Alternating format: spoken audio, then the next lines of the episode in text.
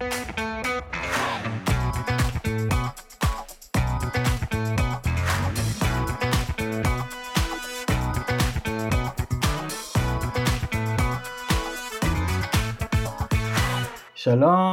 וברוכים הבאים לפודקאסט קומיוניטוק, דיבורי קהילה, הפודקאסט על אנשים וקהילה. בכל פרק נפגוש דמות מעוררת השראה שתספר לנו על עצמה ולא פחות חשוב, על עולם הקהילה. אני דניאל אופק, מנהל מיזם קהילות לומדות של קרן רש"י ומשרד הפנים, ואיתי ענווה רצון, עובדת סוציאלית קהילתית, מומחית בפיתוח קהילתי וארגוני בסביבה משתנה. והיום אנחנו מארחים בפרק את רותם קליגר, ברוכה הבאה. אז רותם היא חוקרת ומרצה על אנתרופולוגיה, קיימות ומערכת היחסים של האדם עם הטבע, וגם כותבת על סביבה וקיימות במאקו. בימים אלו היא נמצאת בעיצומו של מחקר אנתרופולוגי על התחדשות מסורת המאיה בגואטמלה, שבעצם חלק מהמסורת הזאת היא רפואה טבעית, חקלאות מסורתית, טקסיות ומיילדות טבעיות או טבעית, אה, והעולם המערבי זלזל במסורות האלה באורך שנים והיום פתאום הוא מוצא עניין מחודש ומבקש ללמוד. אז מה שרותם עושה היא מנסה לתאר את המפגש בין מהגרים מערביים לבין אנשי המאיה ולהבין מה אפשר ללמוד מהמפגש הזה על התמודדות עם אתגרי החיים המודרניים, בדידות ושייכות קהילתית. ואם אנחנו רוצים לשמוע גם איזה פרט פיקנטי על החיים שלה, אז היא מעריצה מושבעת של מארוול והארי פוטר, ובמארוול אני איתך, רק שתדעי. וברוכה הבאה רותם. אני, אנחנו משלימים אותה. אז אה, הארי פוטר קראתי את כל הספרים, אבל uh, אחייניות שלי, ההורים שלי לקחו אותם uh, לטיול באנגליה, למסע אחרי הארי פוטר, והם היו עם מדריך ששאל את כל השאלות, וההורים שאמרו שהם הצטיינו, הם ידעו את כל התשובות. אז אני גאה בהם, אני גאה בכם. יאללה רותם, שלום. תודה שהזמנתם אותי ותודה על ההצגה היפה. אני מרגיש שאחרי הצגה כזאת כבר אין מה לדבר בפרק רותם זה כאילו כבר כל הביו שלך פה מונח לפניהם אז צריכים לפרוט את זה לא יהיה לך ברירה להיכנס לעומק. אין בעיה בשביל זה אני פה. אז רותם תספרי לנו משהו שלא יודעים עלייך. אז uh, אני חשבתי על uh, שלושה דברים שלא יודעים עליי, קצרים אבל ממוקדים. אז קודם כל, רוב האנשים לא יודעים עליי שאני מדברת ספרדית שוטף. שאין מה לטוס לגואטמלה לעשות כזה מחקר בלי זה, כבר אומרת לכם מראש. Uh, דבר שני, לא יודעים מה הגיל שלי. uh, אנשים שרואים אותי תמיד חושבים שאני קטנה יותר, ואנשים שקוראים דברים שאני כותבת תמיד חושבים שאני יותר מבוגרת. אני לא אגלה כאן, אה, והדבר השלישי זה איפה אני גרה, כי תמיד חושבים שאני גרה בתל אביב, אבל אני born and raised בחיפה. הופה, ויצאת מחיפה? כי לנו הייתה מרואיינת אה, טלי שלא יצאה מחיפה. אה, לא, רק לגואטמלה בחזרה. יש משהו בעיר הזאתי. אמ, אנחנו מעריכים מאוד את מי שגר בחיפה, בעיקר בגלל שזה קרוב אליי וזה לא תל אביב, אנחנו תומכים פה ב, ב, בפריפריה ובמוביליות ולכן אה, חיפה מבחינתנו מנצחת. אבל באמת אה, ספרי לנו קצת אה, על איך הגעת לעולם הקהילה ואיך זה מתחבר למה ש... שאת לומדת היום, מה שאת חוקרת, אה, אני חושב שזה מאוד יעניין את המאזינים שלנו. אז בעצם הייתי בעולם של החינוך הרבה מאוד שנים, כזה בזה גדלתי, הייתי בצופי ים המון המון שנים ועבדתי בחינוך וגם התואר הראשון שלי הוא בחינוך ופוליטיקה אה, והמון המון שנים באמת חשבתי שזה מה שאני הולכת לעשות ואז היה איזשהו שיפט מאוד מאוד גדול ששלח אותי לכתיבה ולאנתרופולוגיה, אה, בעיקר מתוך שאלות שלי, אה, שאלות שמעסיקות אותי והן גם כזה האש והבעירה של המחקר שלי היום. אה, והשאלות האלה זה האם, כאילו השאלה ככה המרכזית זה האם האנושות, בני האדם, יכולים לחיות בצורה קרובה יותר ו- וכחלק יותר מחובר אל הטבע ולא לתפוס את עצמנו כאיזושהי יחידה נפרדת לגמרי, איזושהי קטגוריה נפרדת לגמרי, שקודם כל נראה לי שהשאלה הזאת כשלעצמה מין כזה ישר מזמנת קהילתיות, שייכות ועוד ככה מילים כאלה גדולות ואני חושבת שהשאלה הזאת כל כך מעסיקה אותי מתוך התחושה שפשוט בחיים המודרניים יש כל כך הרבה בדידות כאילו מהחוויה האישית שלי של להתמודד עם איזה חוסר שייכות ממש ראשוני כזה כבעל חיים שלא לא שייך. בעצם יש לך את המקום של המחקר היום ובמקביל את גם, שאנחנו נגיע לזה יותר מאוחר לשני נושאים, את מנהלת גם קהילת קיימות שזה מן הסתם מתכתב אחד עם השני. אמ, אז בואי תספרי לנו אולי על ההתכתבות הזאתי אה, זו שאלה אחת ושאלה שנייה גם אה, דיברת על המקום של אה, האדם במרכז איך אפשר לראות את החיים בצורה הוליסטית וככה בשיח שעשינו לפני נתת לנו כל מיני הגדרות אנתרופולוגיות שבחיים לא הייתי שומעת עליהן אם לא היה לנו שיח מקדים אז גם תוכלי כזה קצת להיכנס פנימה ולהסביר לנו את הדבר הזה.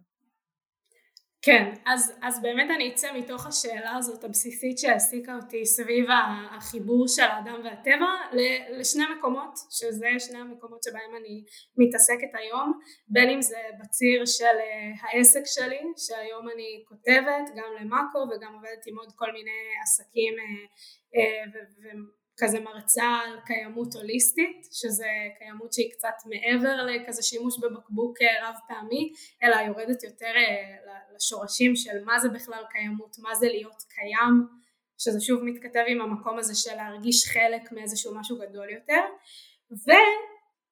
וסביב המחקר אני בעצם אה, חייתי בחווה בגואטמלה במקום שנקרא אגם הטיטלן בכפר שנקרא צונונה השם הכי מצחיק בעולם, תמיד כשאני אומרת אותו ליד ילדים אז כולם נורא נורא צוחקים. אה, אז כן, בצונונה, ושם בעצם היה לי מפגש עם שתי קהילות שאת היחסים ביניהן אני מתארת. אה, הקהילה הראשונה זה באמת אה, המאיה שחיים בתוך הכפר הזה וכמובן שמאיה זה ציוויליזציה מאוד מאוד גדולה ואני ממש לא מתיימרת בטח שלא בפרק כזה קטן להסביר מי הם ומה הם אבל האנשים אה, שהם צאצאי המאיה שחיים בתוך כפר צונונה אה, ובעצם יש להם מסורות מאוד מאוד עתיקות שהם אה, משמרים והמפגש בינם לבין אנשים שהגיעו מהמערב מתוך איזושהי כמיהה מאוד גדולה ממש כמו השאלה שהובילה אותי איזו כמיהה גדולה כזאת לחיבור לטבע לחיבור לפעם לאיזה אולי אפילו אותנטיות או איזה משהו שכבר כזה עבר ועבד לנו בחיים המודרניים. אה, ועם זה הם מגיעים לפגוש את המאיה ומבקשים דרכם אולי אה, להתחבר לטבע. אז אני מתארת את המפגש בין שתי הקהילות האלה. אה, והסיפור עם המושגים האנתרופולוגיים אז באמת המאיה הם מגיעים מתוך תפיסת עולם קוסמולוגיה זה נקרא שהיא קוסמופוצנטרית. זאת אומרת הקוסמוס נמצא במרכז. הקוסמוס הם מאמינים שיש איזשהו זרע של היקום וסביבו יש אה, רבדים על רבדים אה, שמתקיימים, הם מדברים על שלושה עולמות, אה, העולם הראשון זה העולם האנרגטי הרוחני, אחר כך מקיף אותו איזשהו עולם של מניפסטיישן, של מחשבה שיכולה לברוא מתוך זרע היקום הזה ובסוף יש את העולם החומרי שאנחנו חיים ורואים ומרגישים והם יטענו שרוב האנשים חיים רק ברובד הזה של העולם החומרי בטח המערביים האלה שמגיעים אה, ללמוד מהם עכשיו על אה, מסורות המאיה. סתם הם לא באמת אה, מזלזלים באף אחד אבל, אבל רוב האנשים חיים ככה רק ברובד הזה.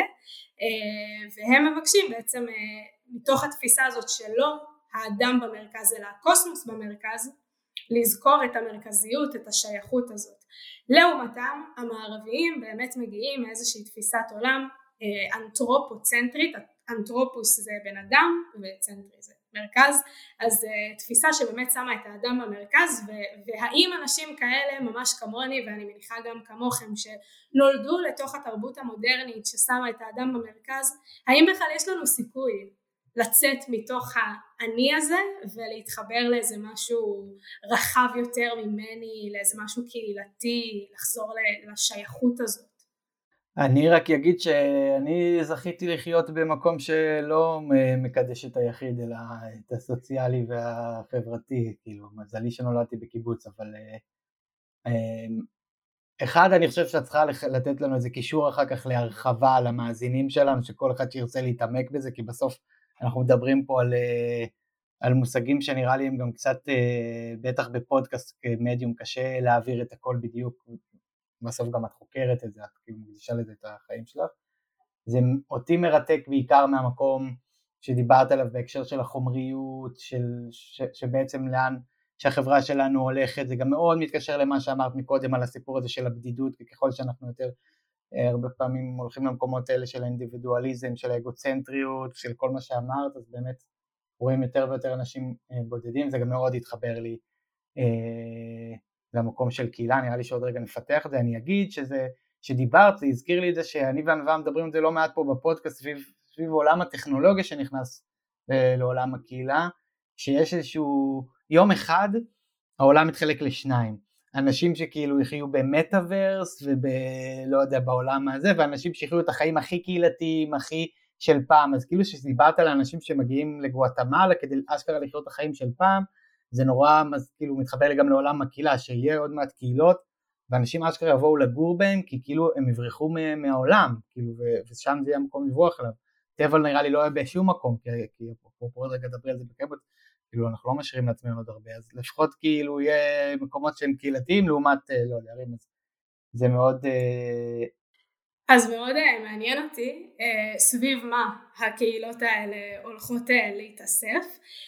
יש מחקר, אפילו כמה מחקרים נורא נורא מעניינים אנתרופולוגיים סביב אנשים שהקהילות שלהם זה כנסיות או אפילו בתי כנסת וממש מראים איך פעם האנשים שהגיעו לכנסיות האלה זוכרת למשל זה מחקר על כנסיות בקליפורניה שפעם אלו היו אנשים שהיו מתאגדים בכנסיות אה, בקהילה הזאת סביב גאולה קולקטיבית מתוך איזושהי אמונה שהם באים ו- והם מתחייבים לדת אה, ול- ולפרקטיקות הדתיות ולטקסיות ולרוחניות מתוך אמונה שלמה ש- שזה יביא לאיזושהי גאולה קולקטיבית של הקבוצה של בני האדם והיום אנשים מגיעים לכנסיות האלה וגם הכנסיות עצמן משתנות כדי להתאים את עצמן לאנשים המודרניים, פוסט מודרניים שמגיעים לכנסיות האלה ומבקשים גאולה אישית, לא גאולה קולקטיבית אלא אני מגיעה לקהילה כי חסר לי התחושת שייכות. פעם היו אומרים כאילו מה זה חסר לך תחושת שייכות? מי את בכלל? היום אני מגיעה, אני רוצה להתחבר אם זה לדת או לטבע או לכל כוח עליון או לכל איזושהי שייכות כזאת מצור, מתוך הצורך האישי שלי. זה מתחבר אה, מאוד לספר Bowling Alone של רוברט פטנאם שהוא די הגורו של בינוי קהילה מה שאני כאילו תלמיד של התורה הזאת וב-Bowling Alone בספר הוא מדבר על על ארצות הברית ועל התמססות בעצם הקהילה שם בעצם והקהילה בארצות הברית מאוד מבוססת על הסיפור הזה של כנסייה, של ללכת ל-bowling bowling ביחד, ללכת עכשיו לאיזשהו community center או כאלה, כאילו זה היה משהו מאוד מאוד חזק שם בתרבות ואם זה שהעולם השתנה זה גם הדבר הזה השתנה, פשוט החל משנות ה-80 יש התפרקות של הדבר הזה ולעומת ישראל נגיד שזה נורא משפחתי ו- ועדיין יש את הקהילתיות הזאת דרך אה, אולי השכונה או דברים כאלה, לפחות אולי דברים שאנחנו זוכרים, אפרופו חיפה אולי, אה, שם אין את זה, ו- וזה גורם כאילו להתמססות עוד יותר אה, גדולה של החברה, אז אני משער שרובם מגיעים לגואטמלה בסוף, כאילו, כל מי שפעם היה לו את ה... זה מחפש כאילו הולך, אבל זה מעניין אותי בהקשר הזה שזה כאילו גם באיזשהו מקום, הרבה פעמים זה אנשים אני אגיד את זה כי את חוקרת קיימות ואני אכניס את זה כבר עכשיו. הרבה פעמים מרגיש לי, אפרופו שקצת אמרת על זה שאת חוקרת קיימות קצת אחרת, לא קיימות של בקבוקי פלסטיק, אמ, כאילו מרגיש לי שקיימות הפך להיות איזשהו משהו של, אמ, את יודעת, של הכי אמ, החברה הקפיטליסטית האינדיבידואלית של אני עכשיו ממחזר איזה יופי, אבל מצד שני טס במטוסי סילון, כאילו כזה סטייל. זה... סתם בא לי לשמוע מה את חושבת על זה ואיך זה מתחבר למחקר שלך. וגם אה, אני אה, מתעסקת הרבה ברשתות חברתיות ואני רואה סביבי מי האנשים והגברים ש... והגברים שמעלים דברים על קיימות ומדברים על קיימות הם תמיד לבנים, הם תמיד אנשים ממעמד סוציו-אקונומי גבוה, לא תמיד, אבל הרוב. הרבה פעמים גם כזה נשים יפות ובלונדיניות עם עיניים כחולות שכזה, אתם יודעים, מין כזה פריבילגי מספיק בשביל לדבר על קיימות ואני בשנייה מחברת את זה למאיה, כאילו הם לא אה, יבואו וידברו על החיים המקיימים שלהם למרות שחד משמעית הם חיים חיים הרבה יותר מקיימים מהחיים שלנו אה, במערב. אה, הטביעת רגל האקולוגית שלהם היא הרבה יותר נמוכה אז למשל אה, חקלאות מאיה נקראת מילפה, זה חקלאות שמתעסקים בה בתירס, בדלאות ובשועית, אז התירס הוא גדל למעלה, הוא גם עושה צל והשועית מטפסת על הגזע שלו והדלאות עושות חיפוי קרקע וככה בעצם שלושה אה, אה, צמחים שונים חיים ביחד עוזרים אחד לשני ועל שטח מאוד מאוד קטן אפשר לעשות חקלאות שבעיניים מערביות של, אה, של חקלאים אה, מקיימים וחקלאים אקולוגיים זה נחשב באמת חקלאות מאוד מאוד אקולוגית אבל מבחינתם זה פשוט החיים. ויש עוד המון המון דוגמאות כאלה אבל בגדול באמת הטביעת רגל האקולוגית שלהם היא הרבה יותר נמוכה. רותם בואי שנייה אבל למאזינים שלנו ובסוגריים גם לי, תנסי שנייה להגדיר לנו מה זה חיים מקיימים. כי דיברנו על זה שזו מילה שמאוד אומרים וזה באמת אנחנו רואים, את רואה אצלך בקבוצה לפחות אה, אה, אוכלוסייה מסוימת שמדברת על זה, אבל בואי שנייה ניישר קו אה, לשפה שלנו. אז באמת יש לי קהילת פייסבוק שקוראים לה חיים מקיימים שמבחינתי מה שאנחנו עושים שם זה מפתחים את הרעיון של אה, קיימות הוליסטית או אקולוגיה עמוקה כמו שטבע את המושג אה, פילוסוף ארן נאס שזה אומר שזה באמת קיימות שהיא טיפה מעבר לאיזה פרקטיקה של לקחת לקנות בקבוק רב פעמי שעוד פעם הסיפור הזה של לקנות אה, שזה שוב משייך את זה לאותה פעולה צרכנית זאת אומרת הדרך שלי להשפיע או, או לייצר איזשהו אימפקט בעולם הזה של אה, קיימות או מלחמה במשבר האקלים אה, בגרשיים זה עוד פעם דרך כוח קנייה. ואני מדברת על איזשהו שינוי מחשבתי עמוק שאומר שבעצם כל יצור חי, כל מי שקיים, יש לו איזשהו ערך מולד אינהרנטי בתוכו מעצם זה שהוא קיים, הוא חשוב. יש את המשפט האלמותי של רנה דקארט, אה, אני חושב משמע אני קיים, אז תמיד אני אוהבת להגיד במקומו, אני קיימת משמע אני חשובה, או אני קיים משמע אני חשוב. אה, וזה אומר לא רק אה, ביחס לבני אדם, אלא כל מי שחיים סביבנו. אה, ש, שאם אני שוב חוזרת למאיה אז הם רואים כ, כהכל איזשהו אה, ביטויים ש, שמגיעים מתוך זרע היקום. לא רק הבני אדם הם חשובים בתוך המרחב הזה אלא גם נהרות והרים ובעלי חיים וצמחים וממש מצליחים לראות בכל הישויות האלה אני לא רוצה להגיד דברים האלה אה, ישויות חיות מרגישות חשובות בניגוד אלינו בעולם המערבי שאנחנו מסתכלים על הכל אה, על, על כל מה שהוא איננו אנושי כאיזשהו מין סופרמרקט של אה, משאבים שאנחנו רק צריכים לקחת ולקחת וזה ישרת אותנו. אז זה איזושהי תפיסה הוליסטית שאני מרגישה שכמעט כל אחד יכול למצוא את עצמו בתוכה. זה מעניין, זה שכאילו שדיברת זה הזכיר לי גם אה, מחקר שפעם למדתי, אני וענווה עובדים סוציאליים, אז אה, אני למדתי אותו בלימודי עבודה סוציאלית שלי, אם אני זוכר נכון, והמחקר הזה מדבר על זה שעובדים סוציאליים הרבה פחות uh, עסוקים בקיימות מאנשים אחרים. ואז ניסו להבין למה, וגילו שברגע שאתה עובד סוציאלי וממראה כבר את המצפון שלך במשהו אחד, אתה לא צריך לעשות את זה במקומות אחרים. אז uh, סתם, שדיברת פשוט עלה לי, כי אני אגיד הכי בכנות, אני, אני לא כל כך, כאילו, אני כנראה חי חיים יחסית בטח ל, לרוב האוכלוסיות בעולם, יחסית מקיימים וסבירים, אה, נגיד נקרא לזה ככה, אבל אני לא כזה מאמין בקיימות, כאילו אני, זה, אני כבר ממש כזה מרגיש שזה הפך להיות משהו, כמו שאת אמרת מקודם, אליטיסטי, אני אגיד, בדיוק הייתי באמסטרדם, נחתתי, אנחנו מקליטים את זה אחרי שלוש שעות שינה שלי, ובאמסטרדם נכנסתי לבית, כמובן בשכונה הכי מפוארת באמסטרדם של סליחה רגע זה אבל כאילו זוג אה, ש... שיש לו וואחד קומפלקס באמסטרדם אבל הוא כאילו הכי מקיים בעולם וזה ואז הם הניחו לנו על השולחן שתי בקבוקי מים כאלה.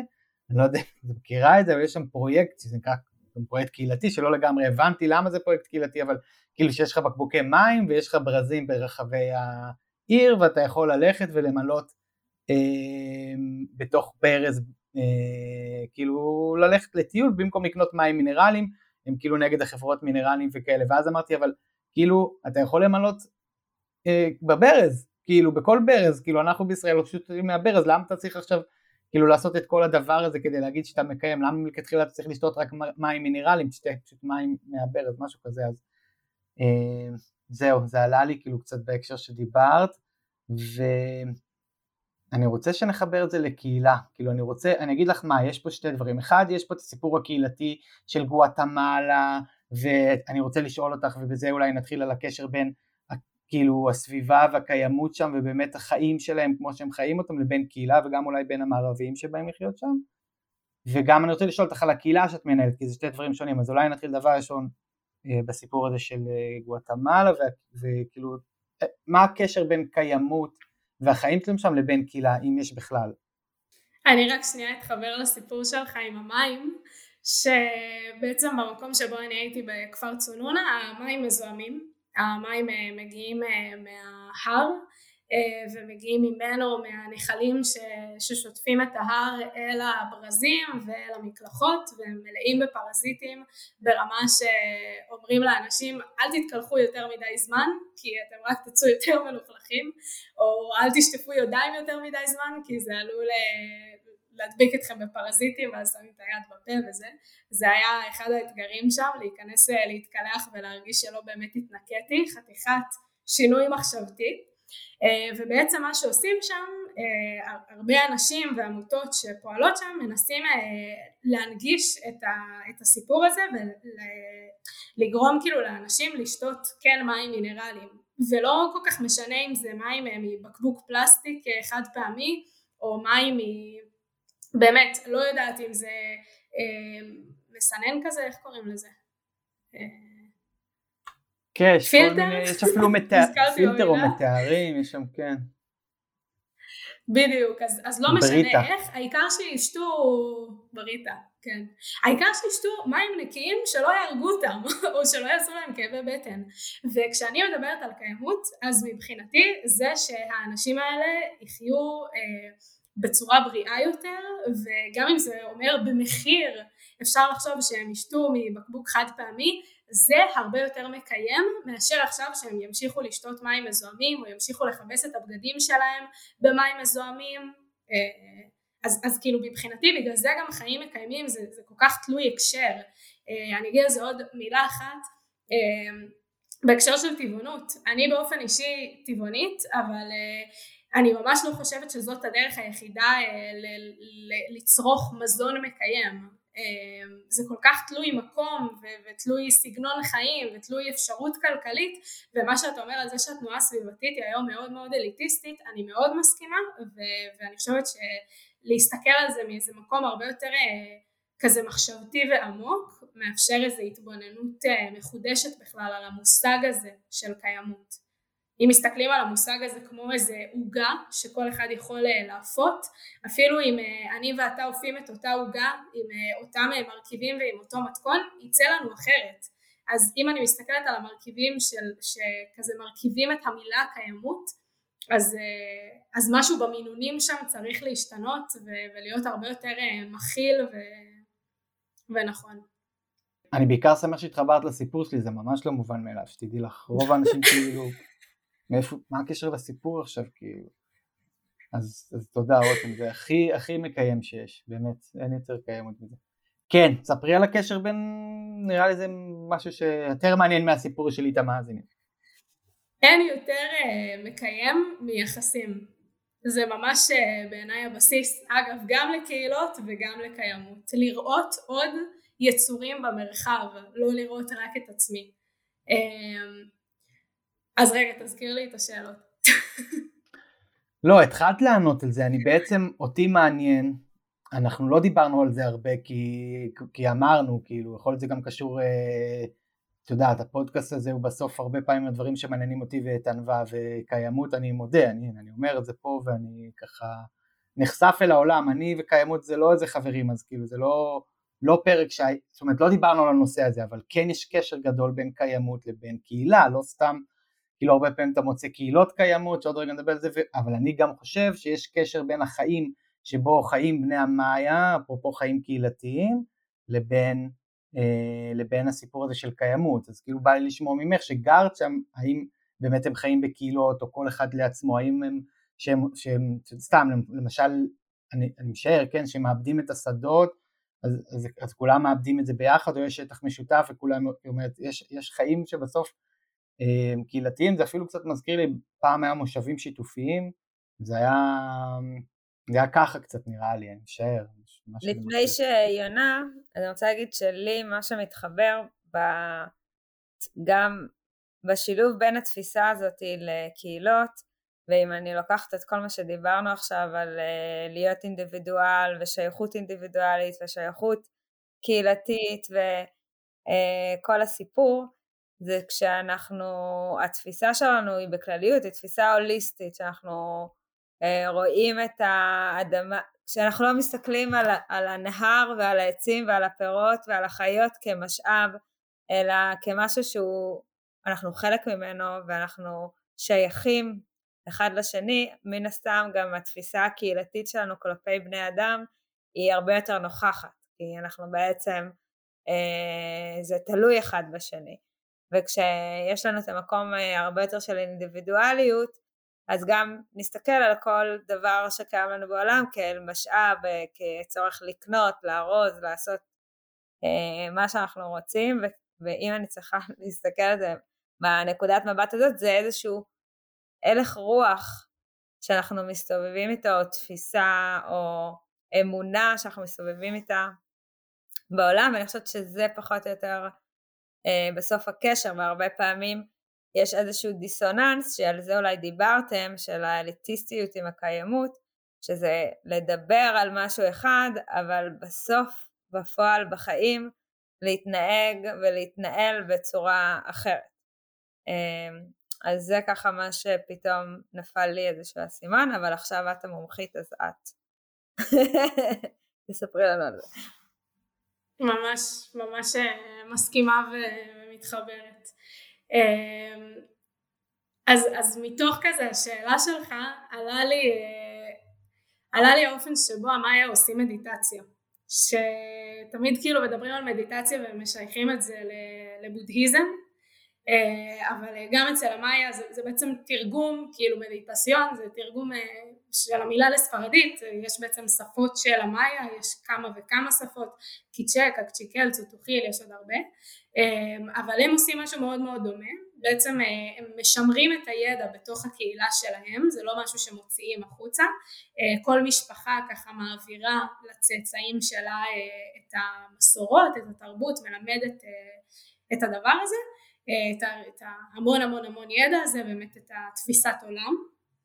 וכשמגיעים ככה לאיזושהי בגרות אז מתחילים לעשות אה, טקסים שבתוכם יש גם אה, את האלמנט של מדיטציה. אבל המדיטציה אצל המאיה יש ארבעה שלבים.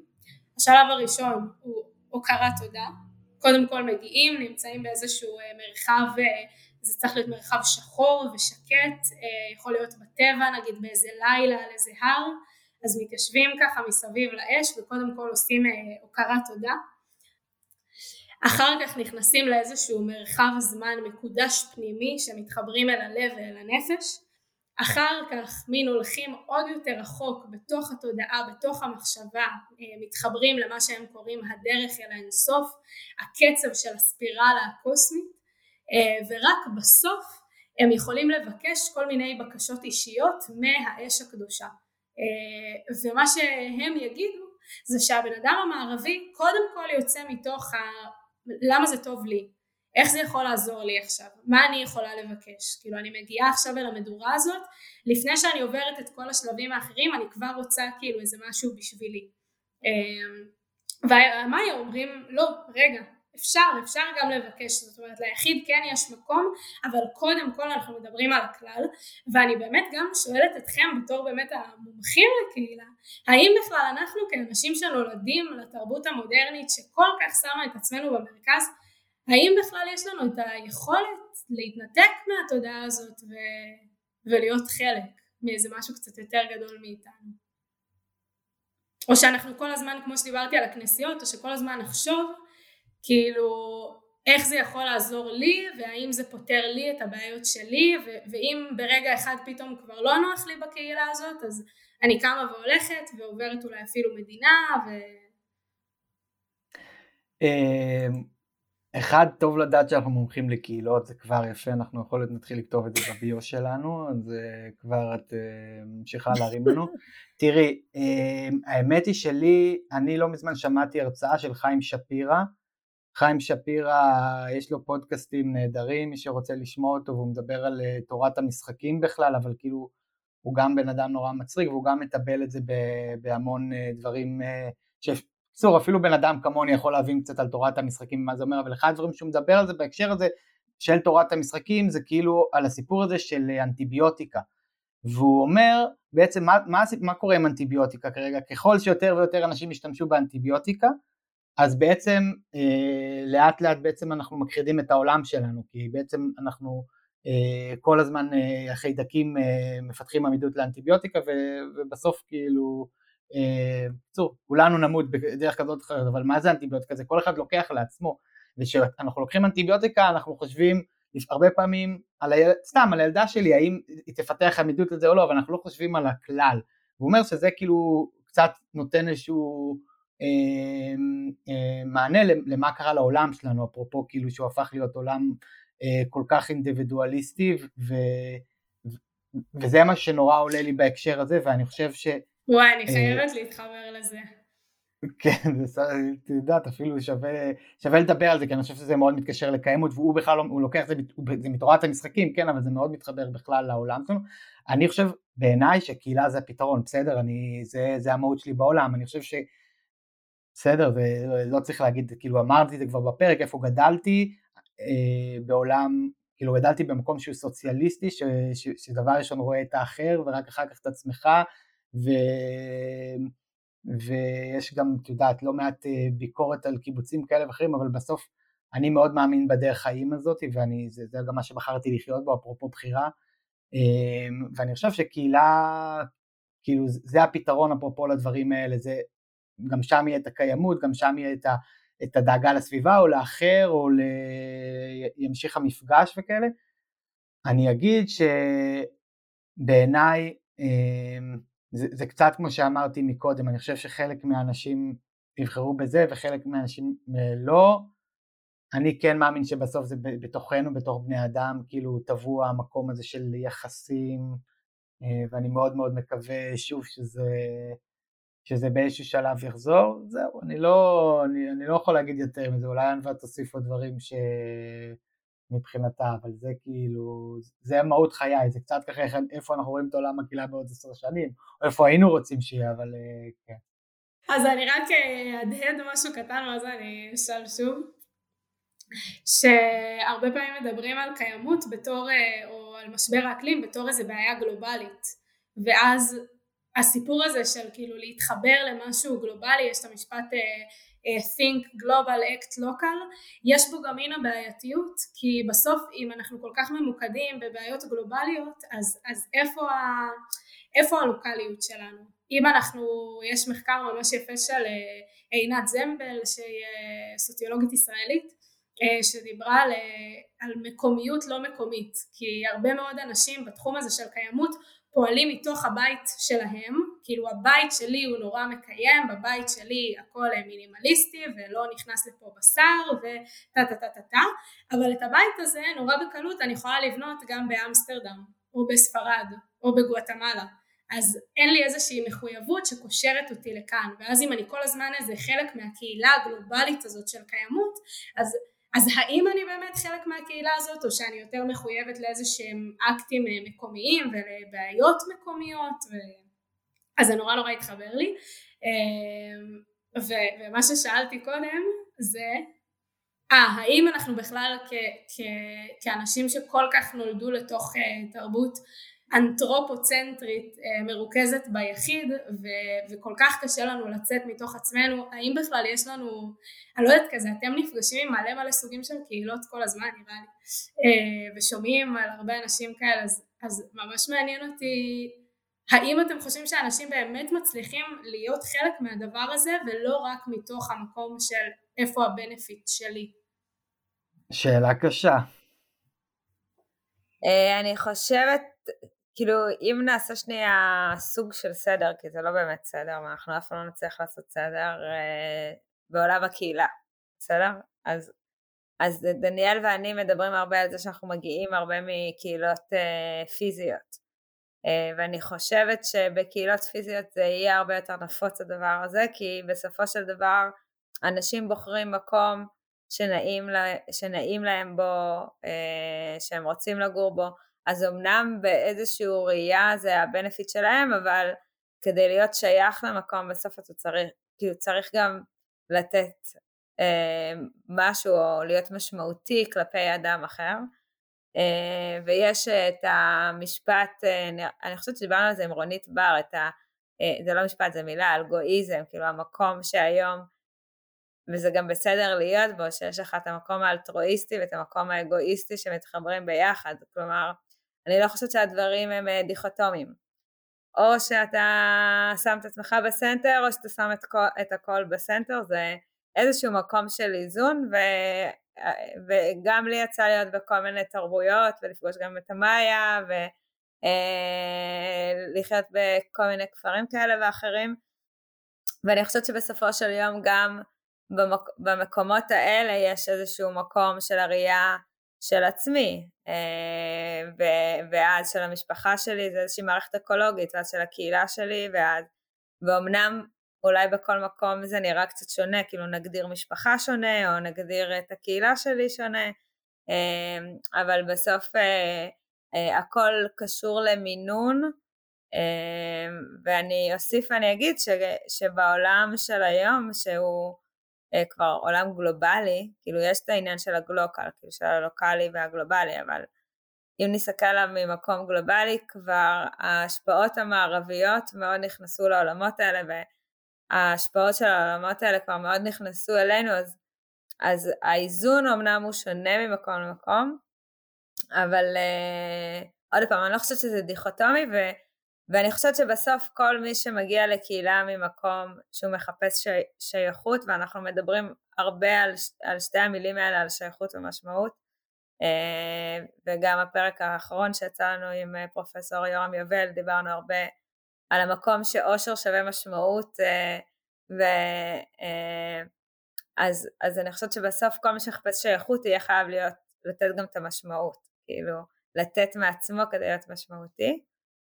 אה, ויש את המקום של ההכלה, כל אחד כמה שהוא יכול ומתי שהוא יכול, כאילו, לא יודעת אם הייתי פילוסופית כאן מדי, אבל אני הדלקת אותי על הפילוסופיה.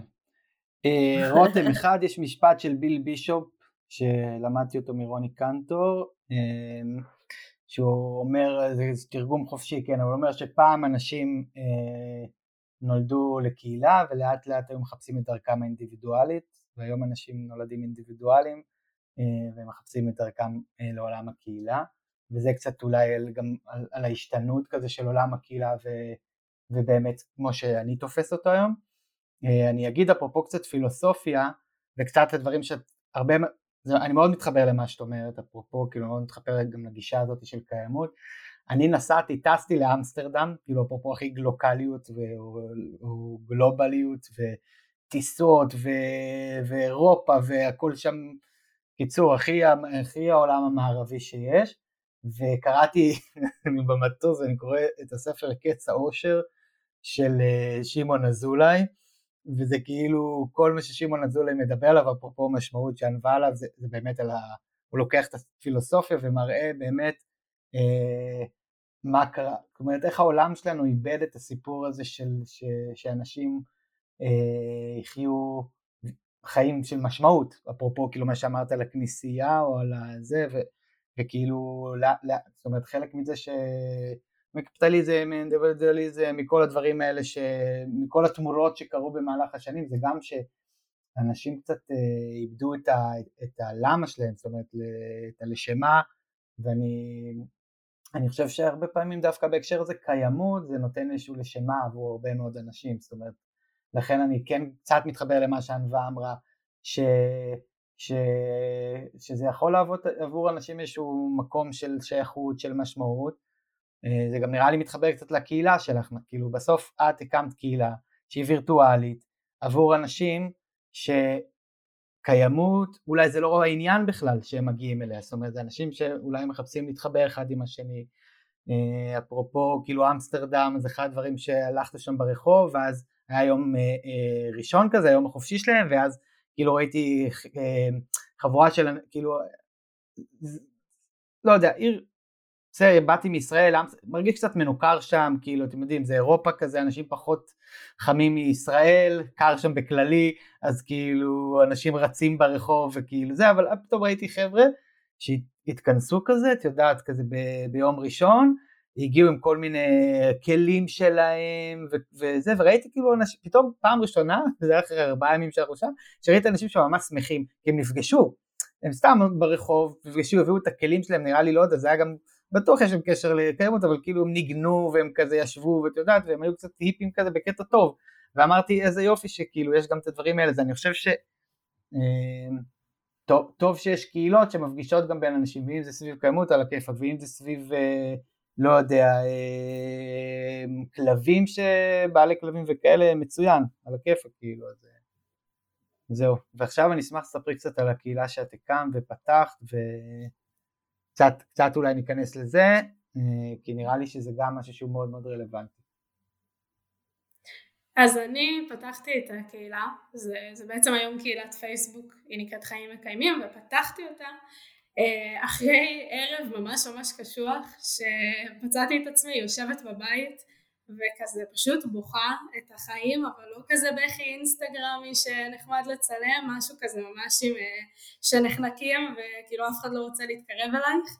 אז uh, פשוט ישבתי לבד בבית ובכיתי את עצמי לדעת ואמרתי אני מתייחסת לעצמי כאל משאב, בדיוק כמו שאנחנו מתייחסים לטבע ול, ולצמחים ולבעלי חיים כמשאבים שאפשר לקנות בסופרמרקט, אני תופסת את עצמי כאמצעי להגשמה, להגשמה עצמית, לאמצעי שאמור אה, להיבחן על ידי כל מיני קריטריונים של פרסום וכסף והצלחה שמישהו אחר הגדיר. בוכה בוכה בוכה וכשככה התייבשו לי כל הדמעות אז אמרתי אוקיי אז, אז אם זה לא אם אני לא רוצה אה, לחיות את חיי אה, בתוך איזה מין מערבולת כזאת של אה, מיצוי משאבים אז מה כן? ושם מין נולד הרעיון הזה של חיים מקיימים שהם באמת שבעצם מחברים אותנו מתוך מקום של אנחנו כבר לא רוצים לראות אחד את השני רק כאמצעים רק בצורה של כזה אובייקטים אלא אני רוצה גם לראות את עצמי כסובייקט וגם לראות אנשים אחרים במרחב ואולי אפילו יותר מאנשים, גם צמחים ובעלי חיים כסובייקטים שאיתם אני יכולה לקיים אינטראקציה. ומזה קמה הקהילה, אני מקווה שזה מספיק ברור, אני, אני, אני לא נעים לי שאת התחלת לדבר פילוסופיה זה בגללי כי אני, אני פותחת את זה. אל תדאגי זה לא בגללך, זה השיח הרגיל שלי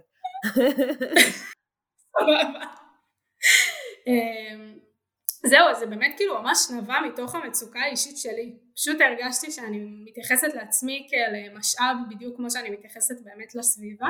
אה, ואמרתי בואנה יש כאן משהו, יש כאן איזה עניין ש, שיכול לחבר את שני הדברים האלה. אה, גם בתור מי שמתעסקת בקיימות באמת הרבה שנים וגם כותבת על הנושא אה, אז, אז הרבה פעמים חשבתי, הרבה קהילות סובבות סביב כאב, בטוח אתם מדברים על זה פה המון, אה, כזה כאב שמחבר בין אנשים. אה, וכל הזמן אמרתי אוקיי אבל הכאב של משבר האקלים סבבה הוא כואב אבל אנשים לא מרגישים אותו ביום יום שלהם פה בישראל. קצת יותר חם מבחינתי זה ברכה אני לא אוהבת קור. אבל אה, חוץ מזה לא ממש מרגישים פה את ההשפעות הכואבות העמוקות של משבר האקלים. ופה אמרתי אוקיי כי משבר האקלים הוא לא הסיפור של קיימות, קיימות זה הרבה הרבה יותר מזה, זה להכיר בערך העמוק של היצורים הברואים החיים כמו שאמרנו קודם, אני קיימת משמע אני חשובה, ולהצליח לצאת מהמקום של אני רק מסתובבת כל הזמן בראש שלי ואני רק אה, נפרדת ו- ומרגישה בודדה, לזה שאנחנו מצליחים להושיט ידיים החוצה ו- ולהתחבר למשהו קצת יותר אה, גדול. אני ממש מרגישה שזה skill שהייתי צריכה ללמוד. וכמה אנשים יש לך בקהילה היום? זאת אומרת, מה... מה זה אומר שהם חלק מקהילה? כאילו מעניין אותי, זה כאילו אנשים מרגישים שהם חלק מקהילה או שזה משהו יותר אה, אמורפי, וירטואלי כזה? נפגשים נגיד? אז אה, זו קהילה יחסית חדשה, אני כאילו הרבה זמן הייתי כותבת רק באינסטגרם ואז הרגשתי שאני פשוט מדברת מדברת ומדי פעם אה, עונות לי בחזרה חברה פה חברה שם אבל זה לא הרגיש לי מספיק, היום נראה לי שאנחנו סביבות האלפיים משהו כזה. להגיד לך שאנשים שם מרגישים ממש חלק מקהילה, נראה לי שאני אצטרך לעבוד קצת יותר קשה כדי ש... ולשים את זה בתור מקום קצת יותר מרכזי כדי שבאמת ירגישו ככה. כן עשינו פעם אחת מפגש אה, פיזי אה, ביער והיה ממש ממש מרגש במיוחד ואנשים באו ו- וככה ישר הייתה איזושהי מין שפה משותפת אבל אה, זאת התחלה. תציעי להם אה, סיור במאיה בגואטמלה, אני בטוח שזה... הם יתחברו לזה, אז שם יהיה המפגש הבא.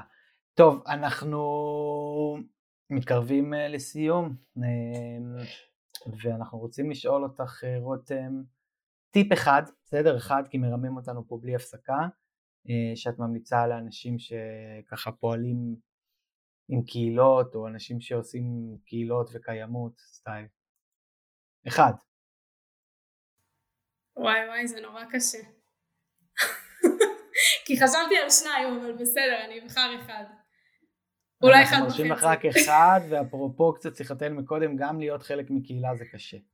זה מה שאנשים צריכים להבין. נכון. אם זה קל מדי ואנשים בוחרים ועוזבים אז זה בדיוק כמו הגלוקליות הזאת שכל אחד עובב אה, וכאלה. או הרמת לי להנחתה. אז, אה, אז יש אה, לברנה בראון שאתם בטח מכירים גם שהיא עובדת סוציאלית במקצועה, אה, פרופסור באוניברסיטת יוסטון בטקסס ואני נורא ממליצה באופן כללי לקרוא את הספרים שלה הם מדהימים. אה, אבל יש לה ציטוט אחד שאני אוהבת במיוחד היא אומרת belonging is not fitting in. זאת אומרת שייכות זה לא אותו דבר כמו לנסות להתאים את עצמי או לנסות להשתלב. כאילו fit in זה אין לזה תרגום כל כך טוב בעברית אולי לנסות להשתלב. אה, ומה ההבדל בין הדברים האלה? כשאנחנו מנסים להתאים את עצמנו ולהשתלב בתוך איזושהי קהילה אנחנו בעצם עושים הכל כדי להתאים למרחב ואנחנו מוחקים את מי שאנחנו באמת ופשוט אה, אולי אנחנו מרגישים שאנחנו חלק מ... אבל מי זה האדם הזה שהוא חלק מהקהילה הזאת אם בעצם מחקתי הרבה מאוד מעצמי כדי להשתלב וכדי להרגיש באמת שייכות לאיזושהי קהילה אז אני צריכה להרגיש שאני כמי שאני בלי שאני מנסה כל הזמן to fit in כזה להתאים את עצמי בדיוק למשבצת שבה אה, אני אמורה אה, להיכנס אליה. אה, זה, זה תהליך הרבה יותר קשה ובגלל זה אמרתי ככה שאתה אה, מרים לי להנחתה. אה, זה קשה, זה אומר קונפליקטים, זה אומר רגעים לא נעימים, זה אומר לפעמים להתפשר ולפעמים לעמוד על שלי ובאמת אה, לא לצפות שזה יהיה קל. את לא יודעת מה עשית אה, שהבאת את בונה בראון לכאן? דניאל... עוד שעה וחצי פרק עכשיו. יום יבוא ואנחנו נקליט פרק עם הגורו שלי לענייני בריני בראון שזה גלית אקרמן ברש ואם פעם תחפשי בגוגל גם תראי שכתבנו על זה פעם בבלוג שלה כי, אה, ואנחנו רוצים לדבר על פגיעות בקהילה, אפרופו, וכמה זה מורכב, זה גם כאילו מתחבר נורא לסיפור שלי, כי אפרופו בקהילות שהן אה, צפופות, קיבוץ, מאוד קשה להיות אותנטי, מאוד קשה להיות פגיע, להיות בדיוק במקומות האלה שאמרת מקודם, אתה צריך להיות fit in, בסדר? אני נגיד fit in זה, זה משפחת אופק, חייב להתאים לשבלונה של משפחת אופק, הם היפראקטיביים, אה, תמיד מחוץ בשיעור וכאלה, וזה משפחת אופק. אז uh, אני חושב שזה מעניין, עוד נגיע לעשות את הפרק הזה. Uh, טוב, איפה את רואה את עולם הקהילה בעוד עשר שנים? אז אני מאוד מאוד מקווה שעולם הקהילה בעוד, אה, עולם הקהילות בעוד אה, עשר שנים פשוט אה, יראה לא רק את המין האנושי בתור מין שזקוק לקהילתיות ושזקוק לאיזושהי תמיכה ויסתכל על המרחב כאל מרחב שמכיל עוד ישויות בין אם זה אומר בעלי חיים ובין אם זה אומר צמחים או האדמה שעליה הקהילה עומדת ו- ודרכה היא נתמכת אה, ופשוט באמת אה, לצאת מהמקום ה self-centered הזה ולהצליח לא לוותר עליו לגמרי אבל כן לראות את עצמנו כחלק מאיזשהו קוסמוס קצת יותר גדול. יפה, אהבתי את זה. טוב, אה, בגלל שאני דיברתי רוב הפרק אז ענווה היום תסכם וזה אירוע חגיגי, כן, כן, איזה יופי זה שאתה בתוך הפודקאסט אתה לא רואה את הפרצופים שענווה עושה, אז אה, בבקשה ענווה. כן, זה מעורר בי חרדה להיות הקול האחרון ששומעים. אה, אז הגענו לסיום, ותודה רבה לך רותם, ואנחנו מזמינים אתכם המאזינות והמאזינים שלנו להצטרף לקבוצת וואטסאפ שלנו, לערוץ וואטסאפ השקט, שבו מקבלים עדכונים על כל פרק שמגיע, ויש לנו את הערוץ טלגרם שלנו שבו מדברים קהילה אה, ושולחים חומרים ומאמרים והמלצות וכולי ותדרגו אותנו חמישה כוכבים בספוטיפיי, זה מגדיל את החשיפה ועוד אנשים יוכלו ליהנות מזה. אגב, דניאל שמעניין, זה עובד לנו, כי מאז שהתחלנו להגיד, גם באמת התחילו לדרג אותנו. אה, אנחנו עושים גם ביוטיוב, ורותם לא סיפרה לכם, אבל יש לה ניוזלטר מאוד מומלץ, חוץ מהקבוצת אה, אה, פייסבוק שלה של, של חיים מקיימים, שאני מאוד ממליצה להיכנס אליו גם. וראיינה אותך לכתבה במאקו, הכי חשוב, איך לא דיברנו על זה בכלל. על חרדת אקלים. אה, וזהו, תודה רבה לך רותם. תודה לך. תודה רותם.